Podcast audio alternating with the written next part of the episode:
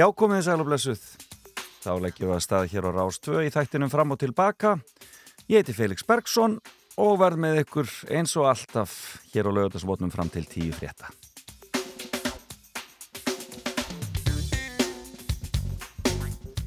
Og það eru Spyro Gyra sem að eh, sjá okkur fyrir þessu upphafslægi hér. Ég hef svolítið verið spurður um það hvaða lag þetta sé eiginlega. Já, þetta mun vera, mun vera Spyro Gyra. Ég þarf vel að kynna mér þá hljómsveit aðeins betur. Fann þetta bara hér í djúft í yðurum eh, Saps Ríkisútasins.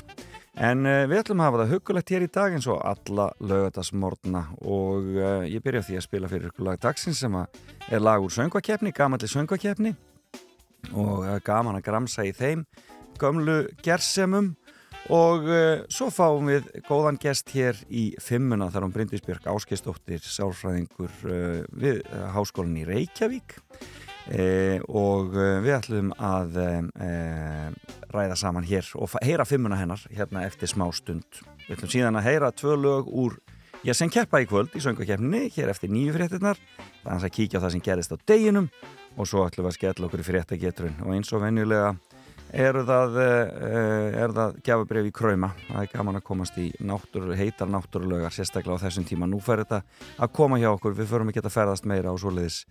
Og uh, veðrið lítur bara sæmilega út. Af ísu uh, örlítil gul viðvörun setnipartin í dag á sunnanverðum vestfjörðum og snæfellsnesi norðanverðum snæfellsnesi þarna við breyðafjörðin þannig að bara farið valega þar sem þið eruð e, þar um slóðir varðaraunar í vikunni og það er dásanlegt að koma og heimsækja þetta frábæra sveiði en e, hvað segja þér? Þetta ganga skil yfir landi og mun rigna allmikið um miðjanda og fram á kvöld um landið vestanverð og e, þá gerar spára á fyrir snarpri kólnun og gæti þá úrkoman færst yfir í slittu eða snjókomu E, skilin fari ekki austur á landinu fyrir en fyrirpartin á morgun svo regningin mun fara yfir suð, austur og austurland í nótt og fyrramálið. Og það mun létta til á norður og austurland í kjölfarið. Og hiti getur farið í 7-8 stegi þegar best lætur á morgun en hiti víðast hvar um og undir frostmarki. Jájú, þetta er hann Kári heldur okkur enn í greipum veturs En við skulum bara skella okkur í að heyra þetta lag úr söngakefni sem ég var að tala um að ætla að reyna að finna eitt gamalt og gott. Já, þetta er orðið nýju ára gamalt, það er nú ekki eldri en það, en þó gaman að revja þau upp. Þetta er hún Unnur Eggerstóttir sem fór svo til Hollywood og lærði leiklist og er að gera það bara ágætlega gott. Hún kom og tók þátt árið 2013 með lag eftir hana Elísu eh, Geirstóttur Njúmann Eh, Lægið heitir Ég syng og ég held að það væri bara daldi nálægt í að vinna það árið en það var nú Eithor Ingi sem tók það en, en unnur gerði það anserind gott. Ég held að þetta verið sungið öruglega í úslitum í hörpunni, þannig var það þá. Nú er það bara söngakefnishöllin upp á, á Altanissi sem er málið. En við skulum heyr upp á hérna, já heitir það, hvað heitir það? Geldinganissi fyrir ekki, Geldinganissi. En við skulum uh, heyra lægið hennar unnar uh, Ég syng.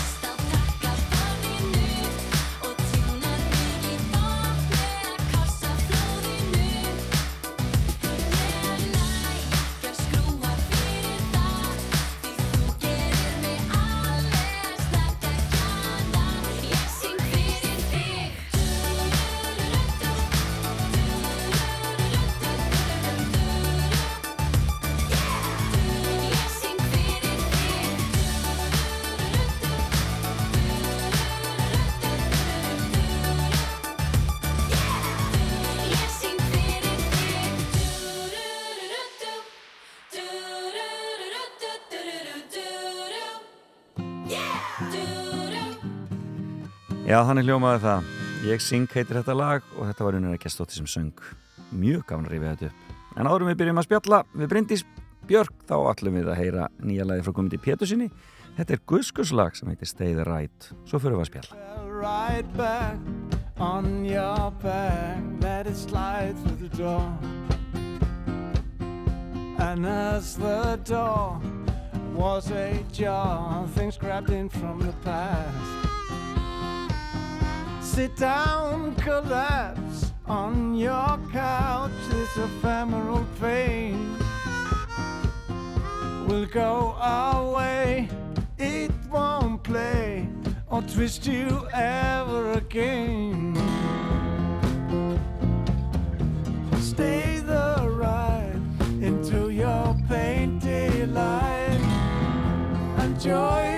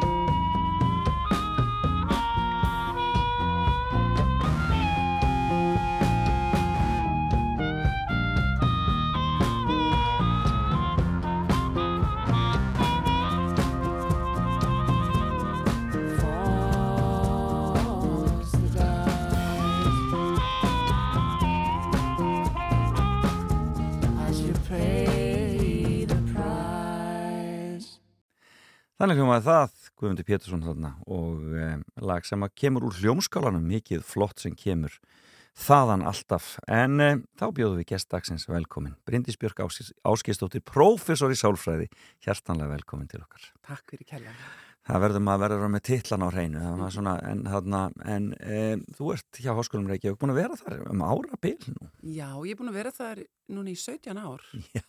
Já, og og vinna því með samstagsfólki mínu að byggja upp sálfræðild Akkurat. Sem við stopnum fyrir, já, það er, það er nú 14 ára síðan.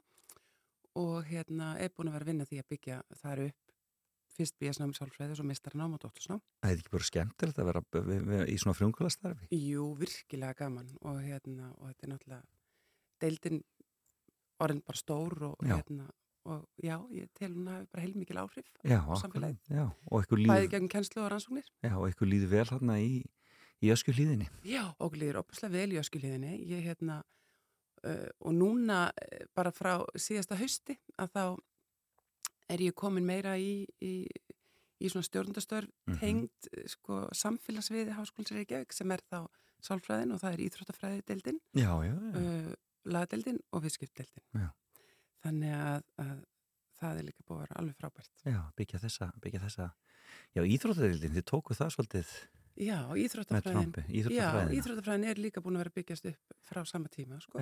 Og hérna, og hún var einmitt núna í síðustu viku að fá, fá uh, leifu og vottur frá Möntumálarlandun fyrir að fara stað með doktorsnám. Já, já. Þannig að nú er íþróttafræðin komin með, með nám og öllum stegum. En skemmtilegt. Frábært. Frábært. Já. En við ætlum að kynast þér aðeins nánar sjálfri og um, þú ert með fimm hand okkur. Já. Það eru fimm staðir, eða ekki? Jú, Eða, það er það. Það er fimm borgir. Fimm borgir. Já. Það er spennandi. Ertu, ertu mikið flökku, ertu mikið flökku manneskja? Gaman að fara? Já, ég... Sjá heiminn? Já, og mér, ég hef opaslega gaman að kynast borgum. Já. Það er eitthvað með mannlífið og bæði svona ólíka menningar heima. Já. Um, en líka þetta með svona mannlíf, mikið mannlíf Já. svona á á stærri stuðum heldur en kannski við erum hérna í Ísland. Þannig að þetta eru allt svona daldi stóra borgir Já, sem ég hef búið í. við höfum verið svolítið sko í því að tala borgir niður sko að, við, að, við, að það er sollurinn og mölinn og allt þetta sem var, var að tala um það var sveitin stórkostlegt. Já, þú ert- borgirnar borga- en ég lík, já, mér slíka náttúrulega nindislega en við bara búandi á eigi og ég man bara sem úlingur Já. þá upplýði ég mitt svona mikla þörf fyrir að fara af landi brott sjá og sjá einhvern veginn heiminn. Já, Já. akkurat Heyrðu, hvað er fyrsta borg? já, fyrsta borgin er nú bara Reykjavík. Það er nú bara svo leiðis, já, já bara byrja hér heima Já, og já, ég fæðist í Reykjavík en flytt svo til Borganes já, ok e, og elst þar upp Já. með mjög nálægt náttúrunni sem var eindislegt. En nýjára kem ég aftur til Reykjavíkur með fóröldur mínum og, e, og ég átti á nú stóra fjölskyldu hérna í Reykjavík. Þannig að, að það breyttist aldrei miklu fyrir mig að flytja aftur í bæinn, bæði upp á svona hvaða, ég, ég fór í, í meðlaskóla og hagaskóla og svo í MR. Já. En það sem kannski enkendi þessi ári lífinu mest var að, að ég eh, fór aftur að, að vera með frændfólki mínu Já, og frændu mínum tveimur sérstaklega ok e, og saman stopnuði við leikfélag. Mm, Já, nákvæmlega. Þegar ég var nýjára, Já, Magnús Geir Þórasson, Já. var 11 ára. Akkurat. Og Magnús Þór Þórasson sem er mitt dósent við Háskóli Íslands í dag, hann var 8 ára. Og þetta gerðu við saman, við vorum heldur 10-15 krakkar, öll á þessum aldri. Og heldum stoppfund þegar ég var bara nýlendi mitt í borginni. Já. og við síndum fjölmarkar leiksýningar og, og, og Magnús Geir stýrði þessu leikfélagi Já. og við krakkarnir sáum með allt við vorum þekkt fyrir það að vera engin fullorinn sem tók þátt sem var vissulega rétt.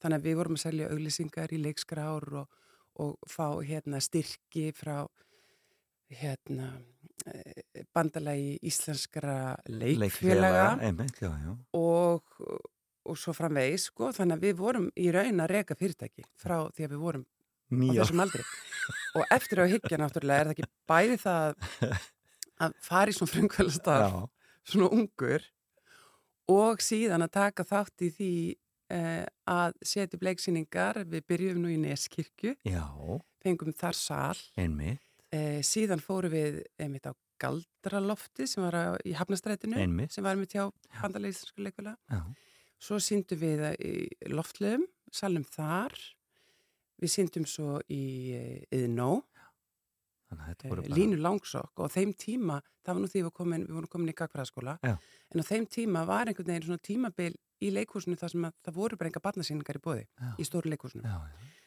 Þannig að þegar við fórum í línu langsokk í, í hérna Yðnó á stórum hópi krakka á þeim tíma, að þá var bara algjör sprenging. Og hérna við síndum hérna í marga mánuði, tvær síningar á dag og hérna og sem var ráku bara þetta bara rákum þetta og vorum á þessum tíma orðin, orðin við úlingar sko Já. og það voru farin að bætast yngri byrni hópin þannig að við vorum sko Já, líka í hálgiru uppbyldstarfi Þetta er ótrúlegt starf Þetta er gaman leikusið eða ég- Þetta er hérna- gamanleikusið, já. og síðan fórum við einmitt, sko, síðan fórum við í Íslensku óperuna Já. og borgarleikusið, endum þar þegar við vorum öll einmitt í MR og síndum það grænjagsla. Og það var síðasta síning gaman leikusið eða hvað Það var síðasta síni gamanleikusið, já, einmitt. og eftir það síðan, sko, Voruð þið bara komin inn á fullurasári eða fóruð bara Já. í mennskóla og svoleiðis já, sko. Þannig að þetta var þannig Já, þannig að, þannig að það svona, þessi ár eru enginnast óa mikið af því, Já. frekar en kannski skólan. Heldur en skólan, Hann já, þegar þið voru bara í þessu á fullu auka í lífinu. En hugsaður þið þá eitthvað að fara meira inn í listir eða inn í leiklist eða svoleiðis Já, ég, þetta var svona valið sem ég stóð frammi fyrir Já. þegar, hérna, þegar við hættum með gamlöksið og þá Mhm. var ég svona að klára MR. Og ég fór nú og skoðaði, ég var aldrei svag fyrir því að fara í leikhúsfræði og stúdera svona einmitt og ekki vera á sviði, sko, sviðinu sko. en svo var, það, var þetta svona þetta var tókstrið á milli lista eða vísinda Já, getur við sagt og ég var bara einhvern veginn með svo opaslega mikið áhuga á því að skilja svona samfélag, menningu og, og mann, mannlega hegðun. Akkurat og einhvern veginn að svona læra aðferðir til þess að komast nær sannleikanum. Svona markvist, að, vísindin. Já, þannig að sálfræðin verður ofan á. Þannig að það varð ofan á. Já. Eða ferði þú beint í sálfræði eða byrjar í sálfræði, bíjaði sálfræði eða hvað? Já, ég semst byrja, já, ég fer beint í sálfræði Já. hérna, en sko uh, ég tók mér árs frí eftir, eftir stúdinspróf Já. og ferðaðist um heiminn aðeins, já, og fór þar einmitt. Já, förum aðeins tilbaka, en við Já. sambandi við sko borgirnar, sko að, Reykjavík var bara þinn leikvöldur, það var ekkert þú veist, aldrei, það var, það, það var, þú veist aldrei óörug eða hrætt eða svoleiðis í Reykjavík, það var hægt að gera allt sem maður vildi í Nei. Reykjavík Mér finnst þetta bara, þetta var bara alveg stórkostlegt Já. að taka þátt. Já, og búi, Kynnast öllu búi þessu Reykjavík fannst mér aðeinslegt, ég Já. bjó í Vesturbænum og hérna, En hversna, hversna hversna fluttuð þið í borgarnes? Var, var það vegna vinnu fóreldra? já, já, já, þau fóru að vinna þar eftir háskólinum Já, ok. eins og gerist nú, var þetta aldrei algengt á þessu Já. tíma að hérna, Í hverju mamma er þá? hjúgrunarfræðingur og, og pappi er lögfræðingur Já, já, einmitt. þannig að þau fóru og, og unnu, unnu þar Eftir háskólanum. eftir háskólinum Já, einmitt. Já. En það er kannski líka munurinn sko að, að mannfjöldin verður til þess að það er hægt að gera fleira, maður er hægt að gera meira fyrir svona krakka að, en búa til leikhús, það er kannski aðeins flóknara á litlum stað, já, þar sem eru færri. það er það. Og þarna, sko, einmitt voru tækifæri og í borginni Já, sem að ég hefði klárlega ekki fengið í borganessi nei, en í borganessi og, og út á landi er náttúrulega bara önnur svo tækifæri. mörg önnur frábært tækifæri og það að vera svona nálega náttúrinni kannski sem bann er eitthvað sem ma- maður býra alltaf móta mann skemmtilegt. Já. Hver er næsta borg? Næsta borg er Róm Já, er það, er það hluta þessu ferðalagi hjá þér? Já, semst eftir, eftir stúdinspróf uh, hérna ákvaði ég og vinkona mín uh, Líti Ælarstóttir sem Mhm. er læknir í dag. Við ákvaðum að fara og færast um heiminn. Og ætliðum bara að láta örlögindaldi ráða hvað gerðist og hvar við lendum við Já. ætliðum að, að fara og vinna einhvers þar og við fljúum til Rómar og bara fáum vinnu þar samdags já, já. hún reyndar var nú hérna komin í samband þannig að hún fór nú tilbaka til Reykjavíkur fljótt. Já, og ég var bjó einn þarna í Róm, tvítug og starfaði þar á svona hóteli fyrir e, á svona farfuglaheimili í rauninni já, já. fyrir ungt fólk Já, og ég var niður veturinn þannig að það voru mjög mikið ástralir sem voru að ferðast í Róm á þessum tíma einmitt. og svo vann ég á, á, svona, á svona bar fyrir sko fyrir í samstæðin var í samstæði við farfuglaheimili Já. þannig að þetta var óbáslega mikill skóli að standa á einn fótum tvítugur í emitt, svona stórborg Já, akkurat. Og að upplifa þar menningu og, og samhengi sem var mjög ólíkt í sem er Það þekkt hér, hérna Maður heimann, já, já. akkurat. Já, Mm. Lærður ítölskur á fljótt? ég get nú ekki sagt það beint sko Nei. en ég var uh, kunna nógu mikið til þess að geta nota hann í vinnunni Já. og þetta var náttúrulega og þegar ég hugst tilbaka ekki það, þetta hefur kannski ekkert mikið breyst á Ítalíu en, en það að vera ung kona í starfi þar sem að maður lappaði heim á kvöldin klukkan 2-3 á nætunar í miðbæ borgarinnar. Var, ég viss alveg það og það var hættulegt og sem betur fyrir lendi nú ekki í neinu en Nei. það verið ungkona á Ítalíu þarna á þessum tíma var alveg áskorun og heilmikið skóli sko, því að maður upplifði já, áreitni sem að maður hafði ekki kannski upplifað í sama mæli á Íslandi, sko, Já. svona almennt Já, og ég klift á mér hárið svona þannig ég væri svona sem strákaklippingu og litaði það eila svart til þess að sæst ekki að göðum úti sko, að ég væri ungkona sko, Já, þannig að hérna þetta það, það, það, þú ferð svona ósérátt í að verja þig eiginlega. Já, bara, ég var bara mjög meðvituð um að þetta væri bara partur því að þetta myndi ganga vel, Já, sko. akkurat. Að maður þurfti að passa, passa upp á sig, sko. Og endustu þarna allt árið þá? Ég var þarna í hálft ár Já. og, hérna, og fór síðan í, í framhaldi til Já, já, já. og önnur vinkonum minn kom það með mér, hún Rósa Björk Brynjólfsdóttir, Já, já. Uh, við fórum saman til aðþennu og unnum þar saman í hálft ár. Þannig að þetta var algjört æfintri, gekk mjög vel, en var mikil skóli, já. Þannig að þetta var í rauninni, þetta að fara og vinna var málið í rauninni, að fara og vera bara á staðinum og vinna og, hérna, og einhvern veginn kynna samfélaginu. Já, og það sem kannski, það sem var einmitt, var lærdómsrikt á þessum tíma þegar maður svona lítið tilbaka. Það er annars vegar þetta með stöðu kvenna Já, í þessu einmitt, samfélagi einmitt. sem maður uppliði mjög hratt og fljótt að væri öðruvísi en að vera ung kona á Íslandi mm -hmm. e, og maður lendi alveg í svona aðstæðum þar sem maður var svona að reyna að sína þeim að við hérna, skandinavska konur við sko erum daldi svona daldi töffarar en svo var það líka það að vera í nýju samfélagi Já.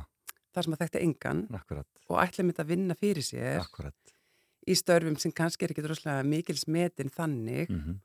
og vera daldi eins og bara innflytjandi í öðru landi og að upplifa það, sko, ég upplifa stert alveg bæðið í Ítalíu og í Gríklandi að þeir litu bara daldið okkur skandinávana sem bara vinnuafl, ódýrt vinnuafl. Við vorum þekkt verið að vinna vel Já. vera hart dugleg.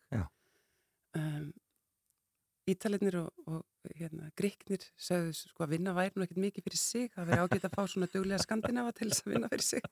Þannig að líka svona þessi vinnukúltúr það Já, samiki var líka hafa magnað einhvern veginn að upplifa það sko og að svona maður er náttúrulega svo vanur því að hafa bara sitt menninglega samingi og Nákvæmlega, sína rætur og sitt bakland sko. Nákvæmlega.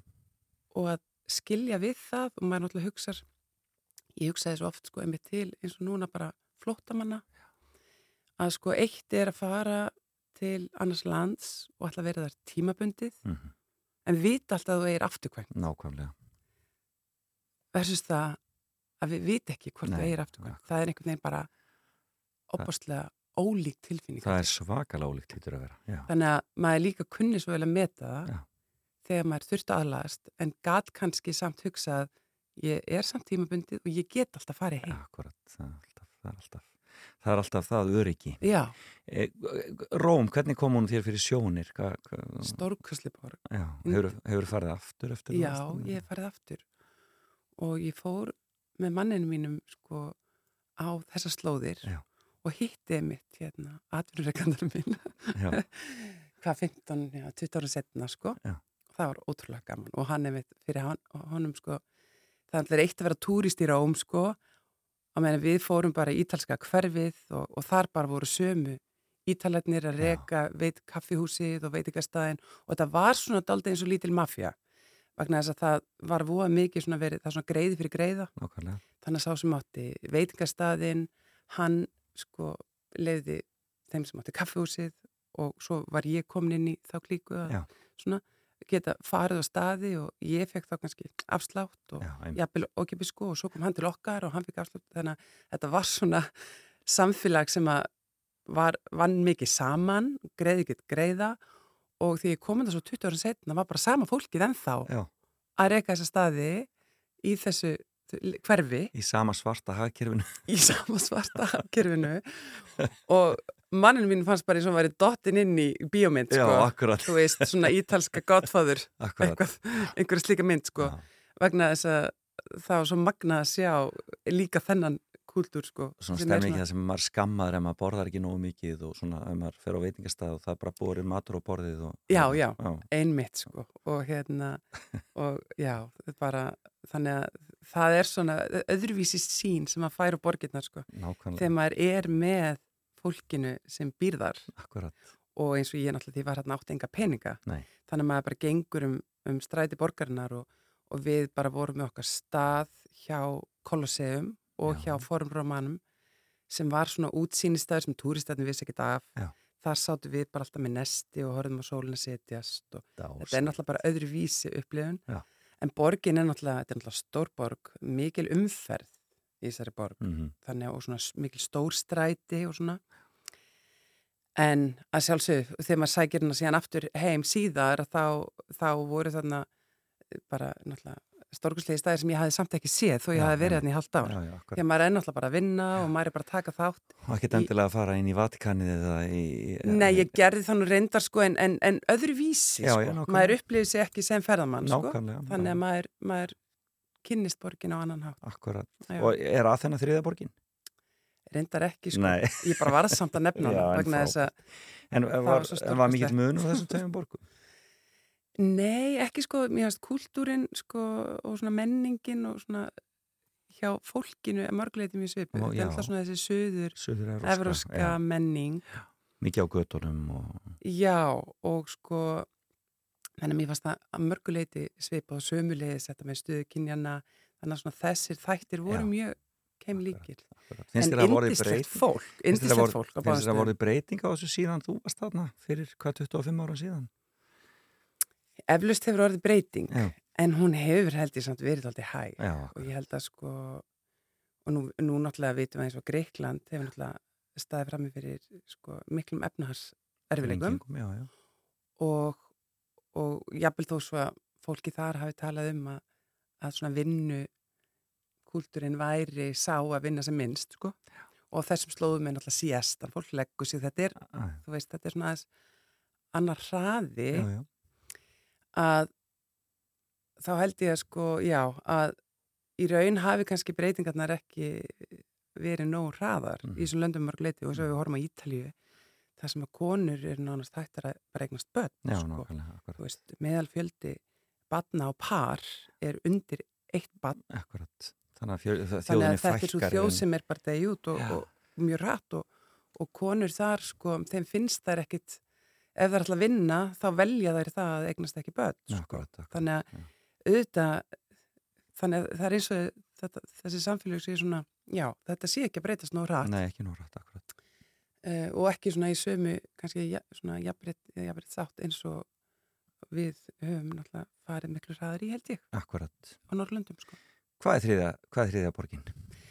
Þriðja borgin er Berlín Það er Berlín, nema hvað. nema hvað og hérna nefnilega eftir þetta ár eftir stúdinspróf og þá einmitt tekið það ákvörðun að fara ekki í leiklistina heldur að fara í vísindin. Já. og ég fór í sálfræðinám í HÍ og fann fljótt að, það, að ég var búin að vera þar í tvö ár og að ég leitaði eftir ég að komst í skiptinám. Mhm, og ég hérna, kynntist eh, prófessor í heimsbyggi Háskóli Íslands Mikael M. Karlsson sem var vann ötulega því að koma háskólinemum Erlendis. Já, því hann vissi hvað það var dýrmætt. Mhm, að við erum lítið land og það að fara í háskóla annar staðar kynast náttúrulega bæði nefndum og kennurum annar staðar frá. Og einmitt að skilja þetta menningulega samingi verið mjög mikilvægt. Þannig að hann aðstofaði mig og, og vinkonu mína, Rafnildi Smáradóttir, sem var með mér í sálfræðinni, í að komast í skiptinám til Berlínar. Já.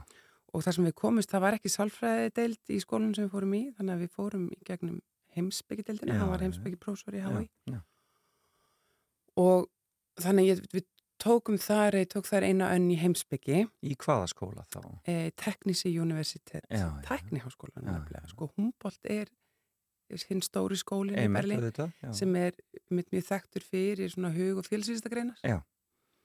Meðan að háskólinn er meiri í tekni en samt líka með fjölsvíðisti þar sko Já. en við komist bara þarna í gegnum heimsbyggjadeildina og sem var ótrúlega bæði gaman að skipta svona um faggrein Já.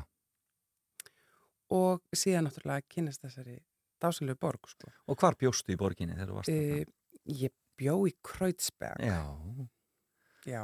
og þetta í, var í, sko í kraumandi Krautsberg í alveg. Krömdu Kreutzberg sem var þá, já e, bara mjög skemmtilegt hverjum borgi, þetta er náttúrulega borg sem búið að breytast svo Já, gríðarlega nákvæmlega.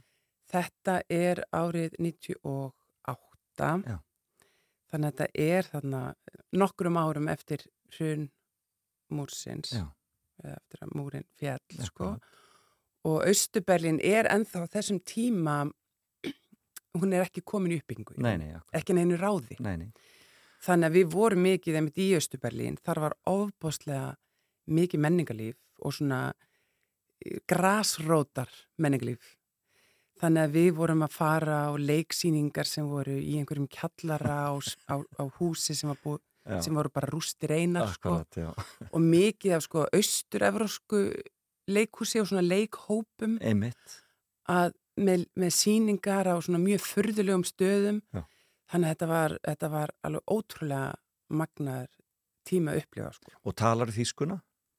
Ég lærði nú þýsku í skóla og reyndi nú að tala hana þarna en Já. ég er bara ekki drosa mikil málamann Nei, sko. ok. ég, ég, ég sko gat alveg tjáð mig en svo er það náttúrulega líka þannig þegar maður fer sér skiptina mig að maður oft kynnist einmitt bara öðru skiptinum. Nákvæmlega, nákvæmlega. Þannig að við tölum ekki mikið þýsku en, en jú, jú, svona aðeins sko.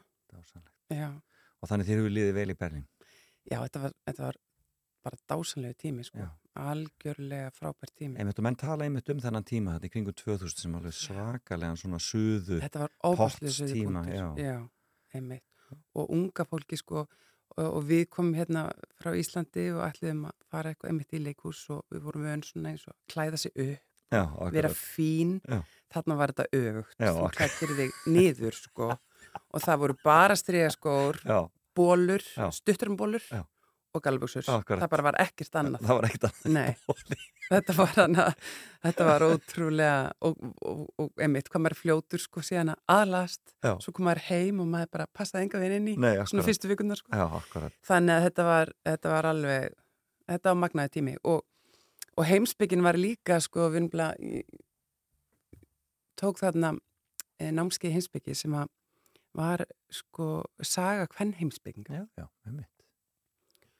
og, og það var svona bara kviknaði einhverju peru þá hjá mér sko. Og kannski tengist þetta því sem við vorum að tala um áður náttúrulega með, með jafnbreytti kynjana sko að það var hérna námskeið um hvern heimsbygginga nema þetta voru konu sem í raun eru ekki þekktar fyrir að hafa verið hvern heimsbyggingar vegna þess að á sínum tíma voru þær sko þær byrtu sín verk í gegnum kallmenn Já, akkurat. Þannig að í þessu námskeið var verið að svona grafa upp raunverulega höfunda margra hugmynda sem voru alltaf setta fram kalla mér. af kallmennum og ímist á hvern heimsbyggingar sem að voru þá í brefaskriftum við þekta heimsbygginga eins og Descartes og fleiri sem að síðan komu þessu fram ímist í einapni eða með einhverjum öðrum hætti eða þá hvern heimsbyggingar sem að byrtu verk sín en undir, undir listamannanafni sem var þá kall, kallmannsnafn. Akkurat. Bara til þess að þetta fengi einhver, eitthvað, einhverja hlustun. Já, og þetta er alltaf bara hugsa um sögubækunar, sko, hvernig þær eru skrifaðar, hvaða er mikilvægt, sko, að endur skoða í rauninni, það hvernig sagan er sett fram Nákvæmlega. á hverjum tíma. Nákvæmlega. Mm. Skulum taka smá pásu, fáum hérna smá cardigans og, hérna, og svo höldum við áfram að skoða borgirnar hennar Bryndisar Bjarkar Ásgeir Stóttur, professor í sálfræði.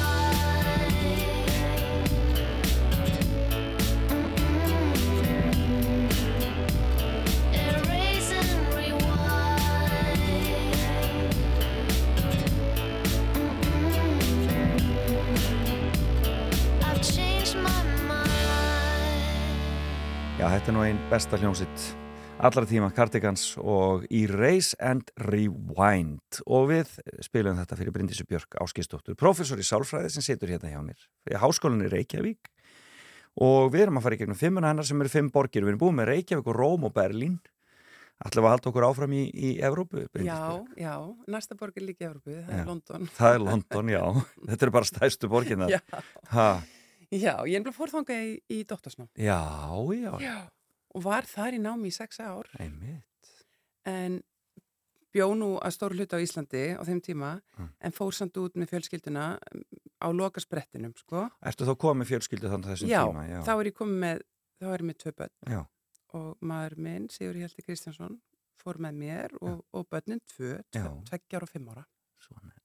Þannig að þessi fimm ára fór í skóla. Já, og þessi yngri var nú bara heima og, En- og svona fjölskyldan hjálpaði til við að vera með hann bara í, í Regent Park, við byggum við rétt við Regent Park Já. og hann bara fór á nýjan róla á hverjum degi og, og, Og fórum með áskort í dýragarðin Og þú- og þú bara inn á bókasafni og ég bara inn á bóksafni Aha. og hérna, já, mm að skrifa og skrifa. Hvaða skóla? Við hvaða skóla skrifa? King's College, Já. já. það er Institute of Psychiatry sem er svona eh, Psychology and Neuroscience heitir hann í dag sem Já. er mjög þekkt stofnun og sviði geð heilsu og geð heilbriðis. Og hvað varst að skrifa um í, í doktorsvíkjað? Ég var að skrifa um og var að rannsaka kynferðisofbildi, Já, Gegn- uh, börnum og úlingum og afleðingum, afleðingum ofbildis og fyrirbyggjandi þáttum sem geta minka afleðingar á ofbildi. já.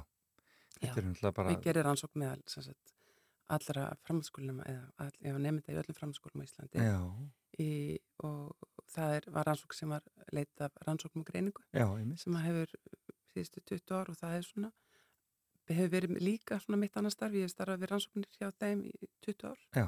frá 99 Þessi áfalla, þessi áfalla, þessar áfallaransóknir eru mjög mikilvægar. Já, þær eru erum það sko. já, og, og hvað áföll hafa mikil áhrif á all líf okkar? nákvæmlega sko. Og það sem nefnilega var einmitt og, og það sem að rannsóknum mín síndi meðal annars er að Mhm. sko svona áður fyrir var talið að, eins og kynfyrsopildi leiti til kannski einhverja ákveðna afleðinga Mhm.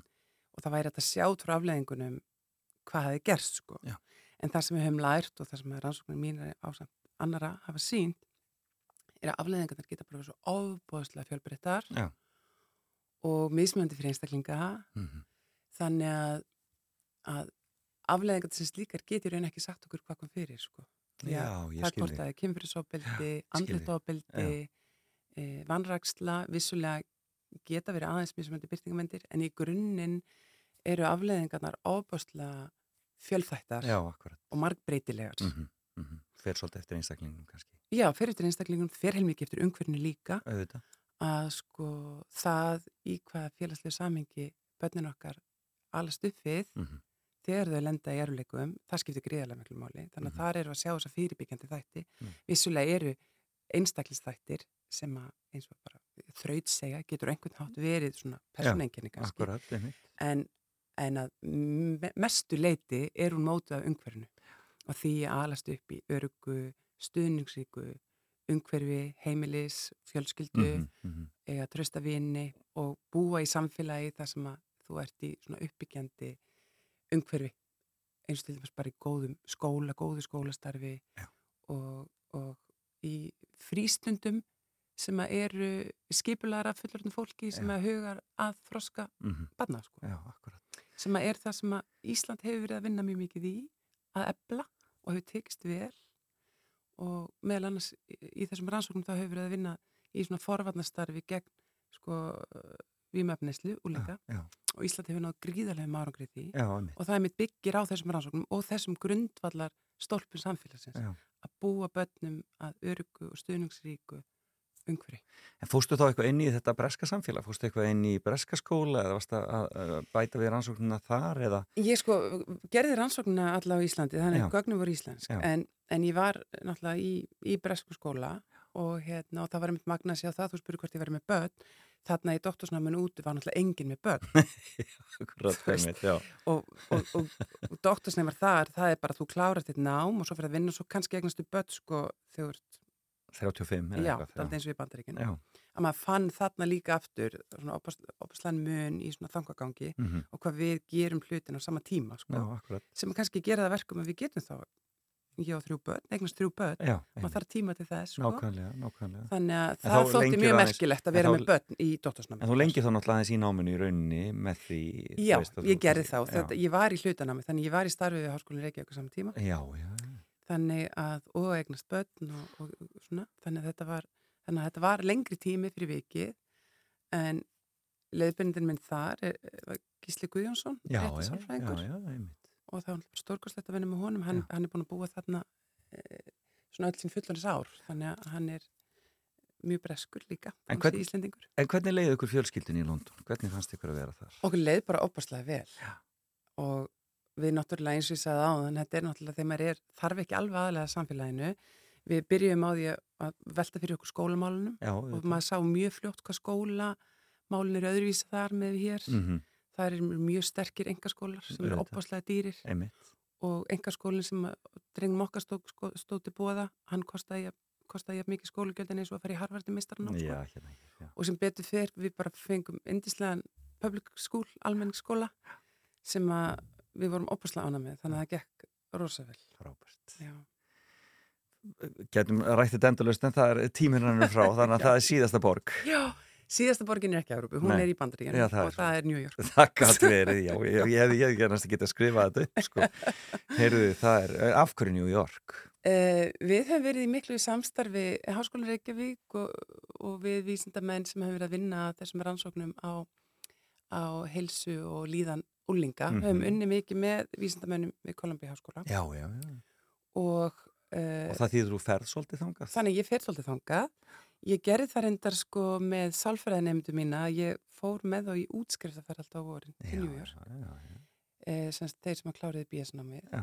gerði það í allt nokkur ár í raun svona emitt til þess að kynna fyrir þeim svona mögulegu næstu skref að fara í sk- háskóla Erlendis eh, er bara svo opbóstlega það er bara svo mikilvægt fyrir nefndur að svona kynnast aðeins öðrum stofnum heldur en bara hérna á Íslandi Nákvæmlega. þannig að það þótt mér, gerði ég reglulega alltaf á vorin en síðan fór ég þangað í, í rannsóknarlefi í hálft ár þannig ég, fór þangað síðan með fjölskyldinu minni í Já, ár og ok.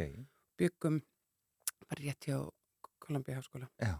og Bara á Manhattan. á Manhattan Já, já, uppi vest sagt. dásanlegt. og dóttir mín, þá var ég búin að eignast þriðja batn og hún var fjör ára Já. Og hún upplifið sig sem mikið New Yorker Já, bara svolítið. Það að er bara, hafa verið þarna í sex mánuði Bara hlaupa beint inn í Central Já, Park við fara að byggum með mitt við á Central Park Já. og það er bara, það var hennar staður í Dásanlegt. og þetta var nú, já, þetta var tveim, tveim árum fyrir COVID, sko. Já. Þannig að hún hefur nú ekki, hún er að verða átt ára núna í þessum mánuði, sko, og býður þess að komast aftur til New York. Já, en dásanlegt. Uh, þessi unga kynslu þetta þau tala svo góða ennsku, sko. Já, akkurat.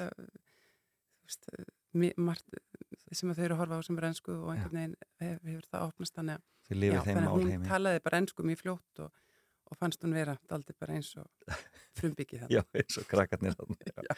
Dásanlegt. Já, þetta er bara frábær listi. Reykjavík, Róm, Berlín, London og New York. Þetta er bara eins og, þetta er bara eins og ég lægi eftir Pál Óskar. Já, hérna. Þarna en mikið var gaman að fá því í heimsókn. Þið voruð að útskrifa í gær eh, eh, elsta, elsta batnið úr, úr, úr mentaskóla. Já, hann var að, sonur okkar Bjarki Kristgeri var útskrifst í gæðir frá fjölbrytskólum í Garðabæ Já, hérna, þannig að til ham ekki með það, það er nú stór áfangi. En hann, hann misti svolítið af þessum síðustu tveimur árum. Já, þetta mikið er hérnámi og það saman. já, það er bara, mér fannst nú bara skólinn standa sig rosalega vel Já. þessum breytingum og, en við vitum það alveg, þetta er náttúrulega búið að vera áskorun, fyrir ungt fólk Auðvitað. sem er náttúrulega, þetta er þessi mikilvæg mótunur ár, Mhm. 16, 17, 18, 19 ára. Nákvæmlega, já. Þannig að, en hann stóð svo opaslega vel og mér skólinn standa sér vel í að vera með námið á netinu svo hægt var en að hafa síðan skólinn alltaf opinn þegar hægt var. Ég góð tilfinning að sjá börnin svona taka flýið. Algjörlega stórkostlegt sko. hann er mitt sko, ég mitt var byrjaði hérna í grunnskóla í London sko. Já. Þannig að, hérna, að sjá hann útskrest bara var algjörlega, algjörlega storkaslegt Bryndís Björk Áskistóttir professor í sálfræði við Háskólan Reykjavík. Kæra, takk fyrir komuna og takk fyrir fimmuna þína. Takk fyrir, takk fyrir mig.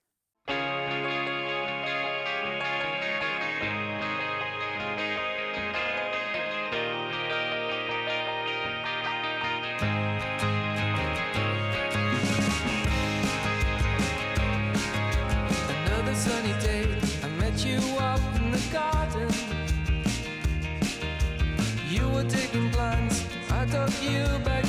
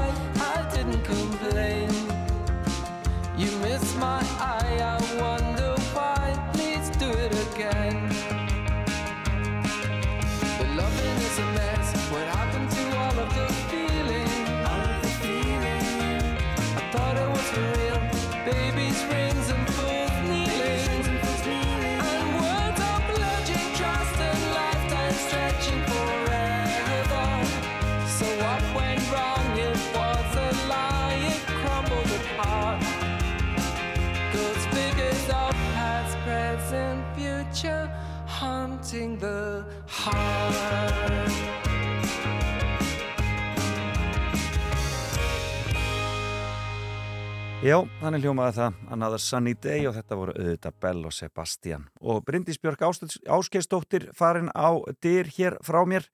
Dásamlegt að hitta hana og heyra fimmuna hennar eh, sem að var eh, sem voru fimm borgir. Og eh, já, alltaf dásamlegt að hitta Bryndisbjörg en fám smá lag áður en að við fám nýju fréttir og svo höldum við áfram í fram og tilbaka Þú ert að hlusta á Fram og Tilbaka á Rástfjörn.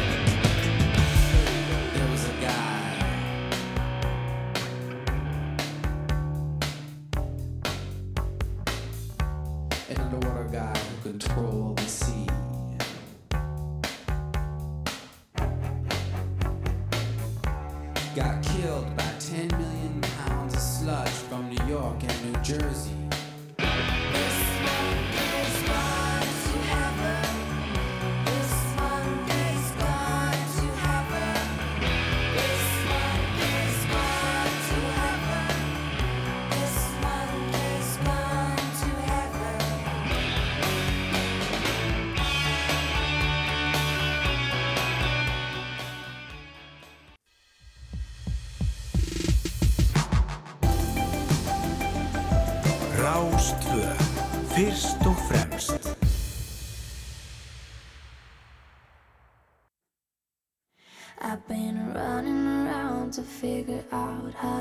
things better.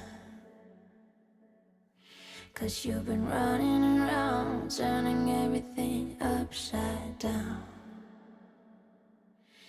I'm pushing clouds away, but you bring back the gloomy weather. We keep running around, but fall down in the same old pattern. And there's nothing left to say. Time to walk away. Cause I can't stick around just when you want me. And I won't stick around if you got feet. You got cold baby. No, I won't stick around if you got baby, blue.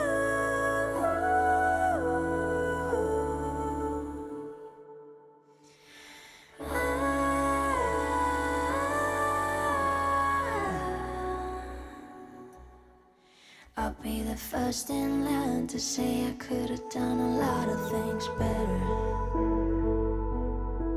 And when I break it down, it gets hard to breathe.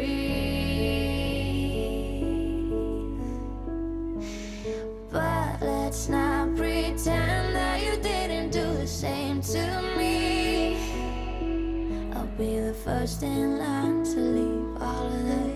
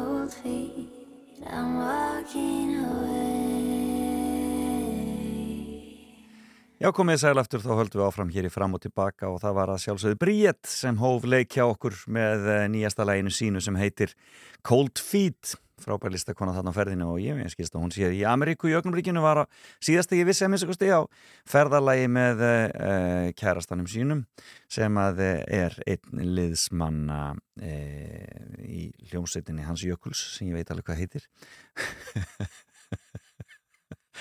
og þeir eru þar á tónleikaferðalagi þessa dagana. E, e, og e, og Bríett náttúrulega frábær. Það er aldrei að vita en hún takir lagið eitthvað staðar hérna í Ameríku. En söngvakefnin er í kvöld. Og e, e, og við ætlum að sjálfsögðu að fylgjast vel með því hér á Rástöðu og ég ætla að spila tvö lög í þættunum hjá mér. Þennan morgunin og svo munu þau Gísli og Björg spila önnur þrjú hér á eftir. Og, e, og e, það verður semst fimm í kvöld líka eins og í síðustu helgi og tvö sem fara pottet áfram.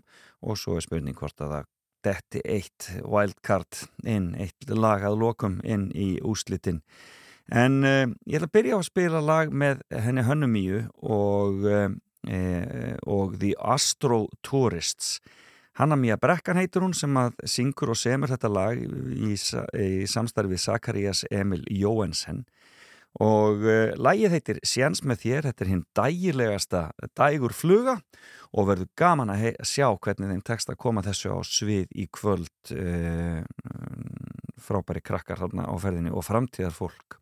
Við skulum heyra Sjans með þér.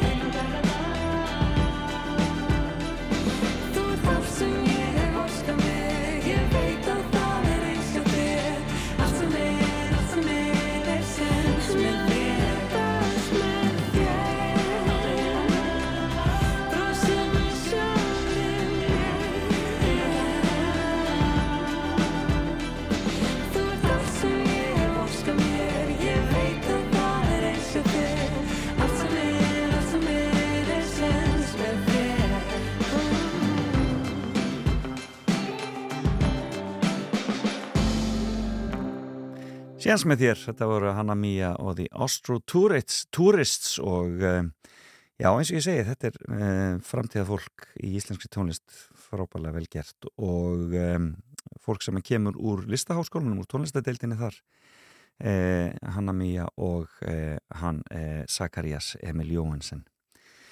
Gaman að sjá hvernig þetta kemur út í kvöld verður í sjónvarpinu klukkan 19.45. Beintur efstaleitinu í Reykjavík Fram og tilbaka á Rástfö.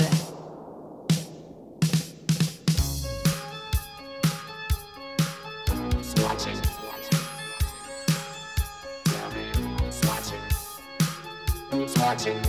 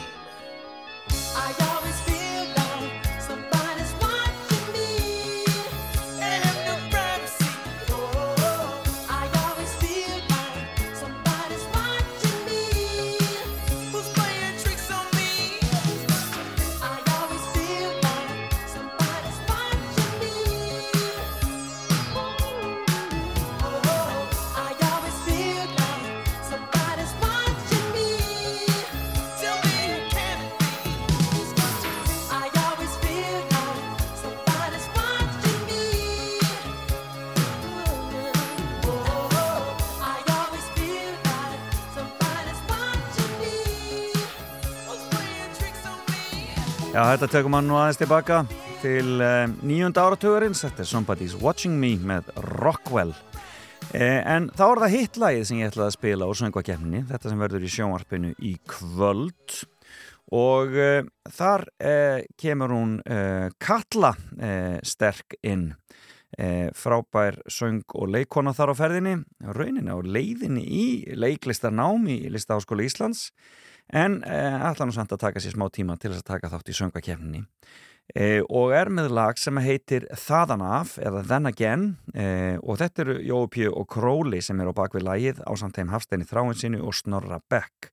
Og það er Króli sem semur textan e, og Katla syngur af, með sinni sterku og djúburödd og aftur spennand að sjá hvernig þetta áttur að koma út á sviðin í kvöld í söngakefninni í söngakefnis höllinni í Guðunissi.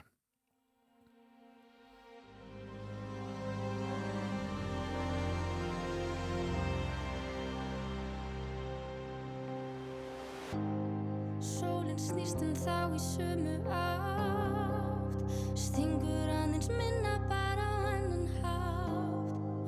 Á sviftundu það varð allt skýrt og klárt. Um leið og ég tók breyturnar í sátt. Skamt undan var skjól sem að ég sá. Þegar mér fannst ég botni hafa náð. Skamt undan var skjól sem að ég sá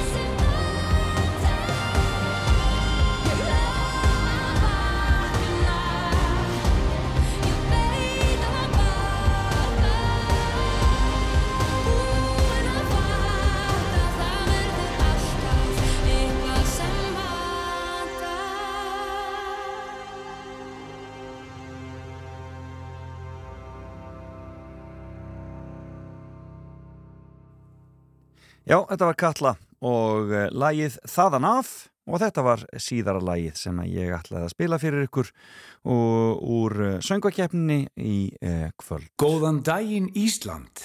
Fram og tilbaka ára ástvö.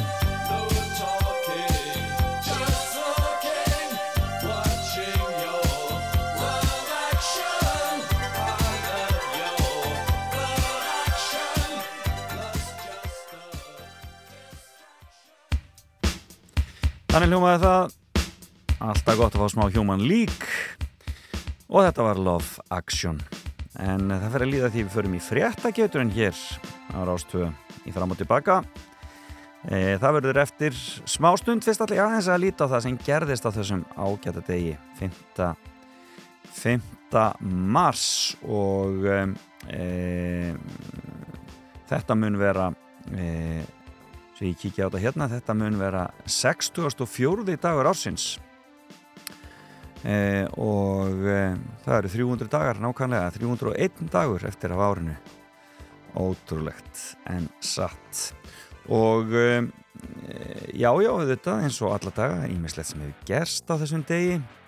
E, og e, við förum bara hérna förum bara hérna e, daldið langt aftur í tíman árið 1638 þá gerur Frakland og Svíþjóð með sér Hamborgarsamningin sem hvað á um greiðstu til Svíja fyrir hernaðar aðgerðir gegn Habsborgurum.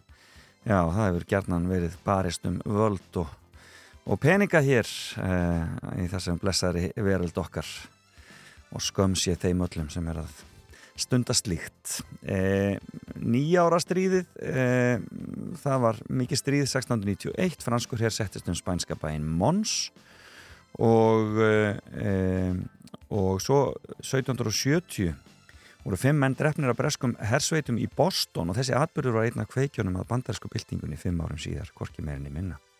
Förum til Íslands, kirkjan á Möðruvöllum í Hörgráðal brann árið 1865 á þessum degi Og Artgrímur Gíslason listmálari málaði mynda þessum atbyrði telst hún vera fyrsta íslenska atbyrðamyndin. Já. Árið 1912 fóru fiskverkakonur í Hafnafyrði í verkvall og stóði einhverja vikur. En þetta var í annarskipti sem konur fóru í verkvall á Íslandi en það var, fyrsta var árið 1907 þegar sömu konur fóru í dagsverkvall. Það er sem sagt stóðu saman um þetta og vonandi hefur eitthvað gott komið út því ekki verið veitt af sjálfsagt. Sparisjóður Reykjavíkur og Náðgrænis hó starfsemi sín á þessum degi 1932 Nú er spurningin hvort að þessi sparisjóðu sé ennþá til, held ekki, en uh, hann byrjaði semst, hann hóf starfsemi 32 og 33 fekk flokkur í Þýskalandi 44% greitur aðkvaði í þingkostningum, það var nazistaflokkurinn og átti það nú eftir að fara eins og það fór þegar menn stiðja uh, svoleiðislið til valda. Uh, árið 1988 gerði aftaka norðanveður í norður Múlasíslu og fögu bæjarhús í Húsavík af grunnunum og höfnuðinir í fjöru. Og fólk var í húsunum og þóttu með ólíkindum að menn skildu komast að. Svona getur nú veðrið stríkt okkur hér. E, Winston Churchill helt fræga ræða þessum degi í 46 það sem hann nefndi Járntjaldið í fyrsta sinn og árið 1970 gerðist Ísland aðeila fríverslunarsamtökum Evrópu, Evrópu efta Það var öruglega gæfu, gæfusgref. E, samningur um að dreifa ekki kjarnorkuvopnum tók gild eftir að 56 land höfðu undirritaðan. Þetta var líka þarna 1970 og Alþjóðubankin var stopnað á þessum degi e, árið 1971. Það var síðan hluti af Íslandsbanka. Já, þetta er svona það helsta hér e, sem að ég sé hér á Wikipedia en það er svona, já, þannig að það er ímestlegt sem hefur gerst á þessum degi og svo er aðeins aðeins um Amaliðsbötnin já, nú ekki mikið hér. Gunnarur Tínes, íslensku tónlistamæður fættur 79, hann á Amali í dag. Og Bjarni Viðarsson, knaspitnumæður hann á Amali í dag. Já, Siggi Sveins, hann á Amali í dag líka, handbóltamæður, já, þetta er svona íþróttamenninni svolítið sem eru Amalismenninir hjá okkur, Amalisfólkið hjá okkur í dag. Og skum öllum Amalisbörnum dagsins innilega til hamingju En við skellum okkur í fréttageturinn hér eftir auglýsingarnar, fáum aðeins meiri músík fyrst. Þetta er auðvitað Jón Ekki Jónsson og dásamlega Don't Try To Fool Me.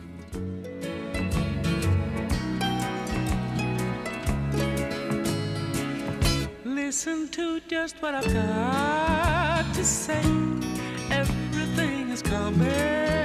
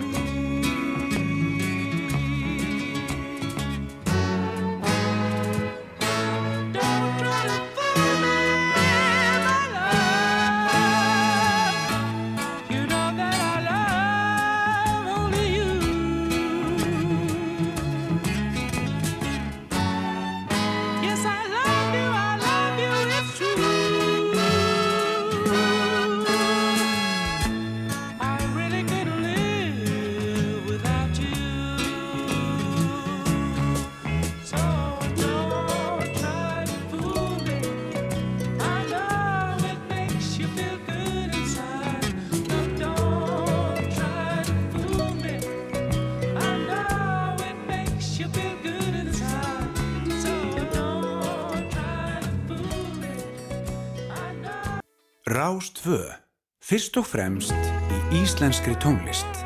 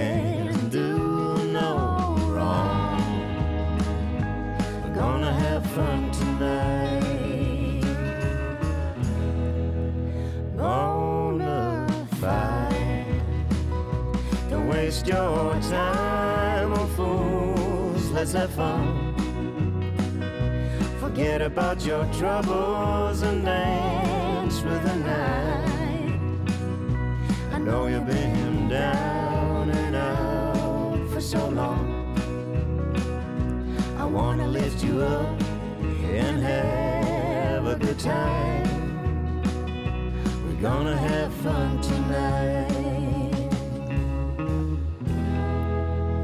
Bonafide. Bonafide, þetta voru þetta Krummi og Sofía Björg og enn eitt frábært lagið úr hljómskálanum. Og þá hefst fréttageturinn hér á Rástvö og nú meðir hingja 5687123 5687123 og ég auglýsi sérstaklega eftir landsbyða fólki ringið endilega ef þið þórið Nei, það er sjálfsögðu öllum velkomið að ringja og allar línur byrjaðar að loga um leið. Það er nú bara svoleiðis. Setja síman hérna á og vona þetta gangi allt saman hjá mér hérna. Já, við skulum bara taka einn hér. Fyrsta hlustanda og vonum þetta gangi góðan daginn. Já, góðan dag. Góðan dag, hvaðan ert þú að ringja? Það er nú ekki á landsbyðinni. en Nei, úr Reykjavík. jú Reykjavík, það er nú gott. Heyrðu þið, þá spyr ég þið hérna strax. Byrjum hér. Enga þjálfar í Wales, Tom Mansfield, lést úr óvinnlegri eitrun en hann innbyrti efni sem innihjalt gríðalegt magn af efni sem uh, jafnaði ekki talið hættulegt. En hvaða efni var það? Já, Það var í fréttum. ekki bara koffin. Er það loka svar? Já. Já, það er, það er alveg hárið til þér. Þetta var koffín. Hann drakk vist koffín sem hefði dugað í 200 kaffibotla. Þannig að það er ekki skrítið að það skildi fara með hann. En þetta er rétt hjá þér, hárið rétt. Koffín var það. Heyrðu, þá spyr ég, spyr ég og spyr og spyr. Tilkynnt hefur verið um stór alþjóðleg verðlaun sem verða afhengt í hörpu í Reykjavík nú í haust. Hvaða stóri viðburður er þetta sem verður haldinn í Reykjavík? Já, þú sé nokkuð. Þetta var... Er þetta ekki, bara eitthvað tengt kvikmyndum? Já, hvað segir þú? Jú, bara kvikmyndavelun Európu. Það er hárétt hjá þér, Evrósku kvikmyndavelun eru það. Já, Þau verða sem sagt haldin hér í, e, í e, ár. Það verður gaman að fá allt það lið hingað á rauða dreilin, sko. Það er það. Heyru, þetta gengur svo vel hjá þér, ég var að reyna að finna eitthvað erfitt handað en ha, þetta er alltaf, alltaf, alltaf gott, sko. Heyrðu Með hérna, einhverja kvikindislega. hvað segir Komdu með einhverja kvikindislega. Já, uh, heyrðu, hérna kemur mörgum rannur kallt vatnmeti skins og hörunds þegar að Saboritsia var nefnt í fréttum í vikunni. En hvað er Saboritsia? Hitsisia, er það svolítið, já. Ha, Saboritsia. Ha, Þetta líkur eitthvað að tengjast Úkrænu.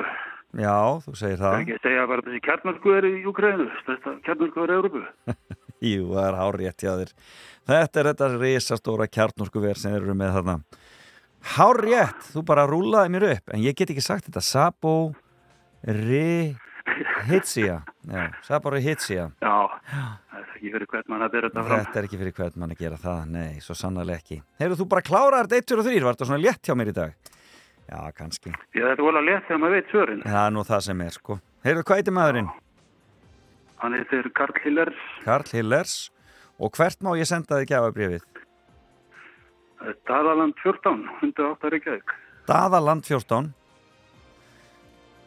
Dalaland er það ekki Jú, Dalaland. 108. 14, 108 Heyrðu við sendu þér gefabrif í Krauma og vonum að þú njótir, njótir sem best. Kæra mun fyrir örugglega. Takk fyrir. Já, bless, bless, bless Já, það var Karl Hiller sem tók þetta að þessu sinni. Hefur verið allt og allt og létt hjá mér í dag, en ég veit ekki þetta, hann er góður í, í fréttageturinni. En uh, ég átti hérna ímislegt eftir til dæmis um nefnendur við háskólan í Depresen þar sem að 40 íslenskir læknanemar eru hafa sapnað þremur tónnum á mat og, af og hreinlætisvörum handa flóttafólki fyrir Úkrænu ég ætla að spyrja ykkur hvar þessi borg væri. Hún er auðvitað í Ungari landi svo var það El Grillo og Björk allir ekki að syngja í Moskvu og, og svo sung fólk fyrir frá hann rúsneska sendiráð og ég veit ekki hvað hvað. Þetta var allt saman eftir en við bara þetta er búið, það fór, það, það fór. Þannig að eh, þið verður bara að reyna aftur eftir viku þá förum við aftur í fréttageturinn hér í fram og tilbaka. I want you to know that I'm happy for you. I wish nothing but the best for you both. I know the version of me is she perverted like me? Would she go down on you in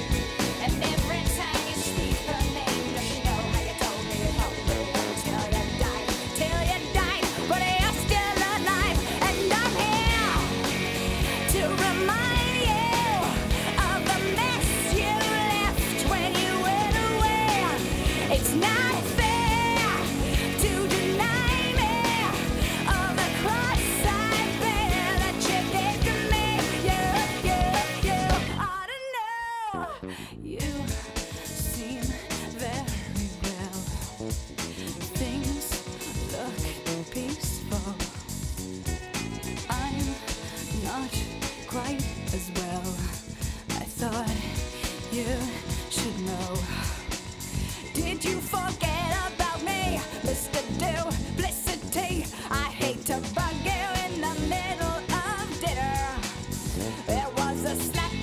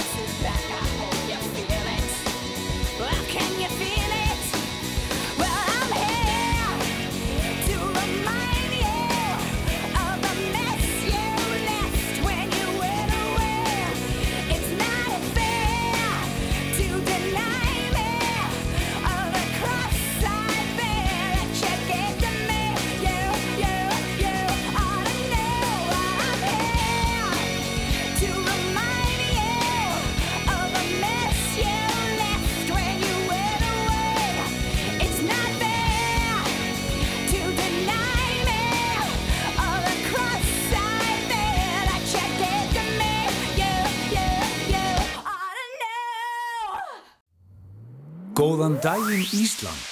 Fram og tilbaka ára ástvö. Hér inni er svo notalegt en úti dimir fljótt. Ég ætti að fara heim áður en kvöld verður að nótt. Ekki horfa svona á mig veist, ég stend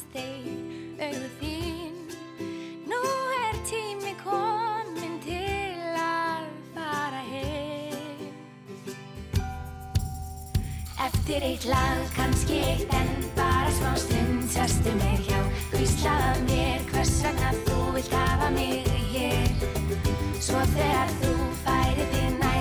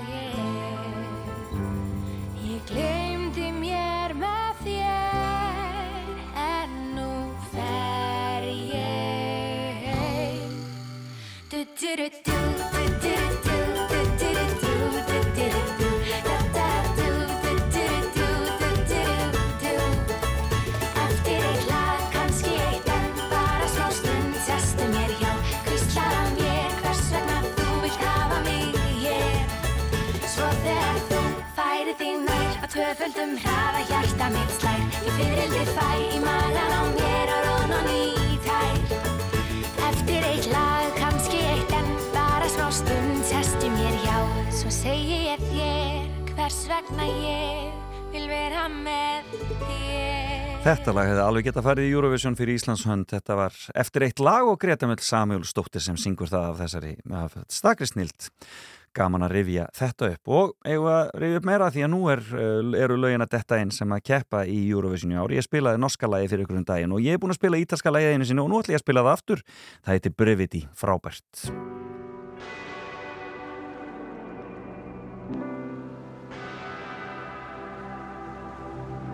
Ho sognato di volare con te su una bici di diamanti. Mi hai detto sei cambiato, non vedo più la luce nei tuoi occhi. La tua paura cos'è? Un mare dove non tocchi mai, anche se il senso non è la via di fuga dal fondo. Dai, non scappare da qui, non lasciarmi così. Noto con i brividi A volte non so esprimermi E ti vorrei amare ma sbaglio sempre E ti vorrei rubare un cielo di perle E pagherai per andar via. Accetterei anche una bugia E ti vorrei amare ma sbaglio sempre E mi vengono i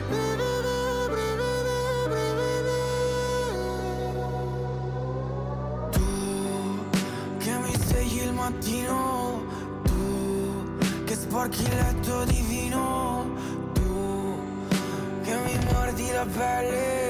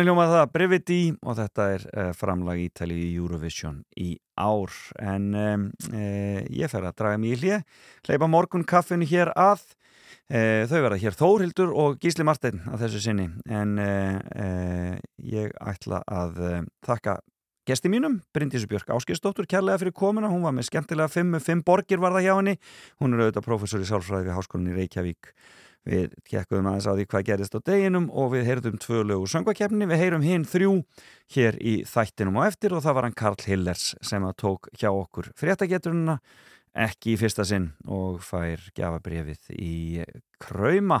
En uh, þakka ykkur öllum fyrir að hlusta. Ég verð hér aftur eftir viku. Við skulum enda þetta með einu góðu appa. Þú ert að hlusta á Fram og Tilbaka á Rástvöðum. Gammalt og gott, head over heels, heyrnust aftur eftir viku. Bless, bless. Jú, ég verði í sunnundagsögum á morgun, ég minna á það, verð hér eftir háti á, á Rástvö og laka til að vera með okkur þá líka. Bless, bless.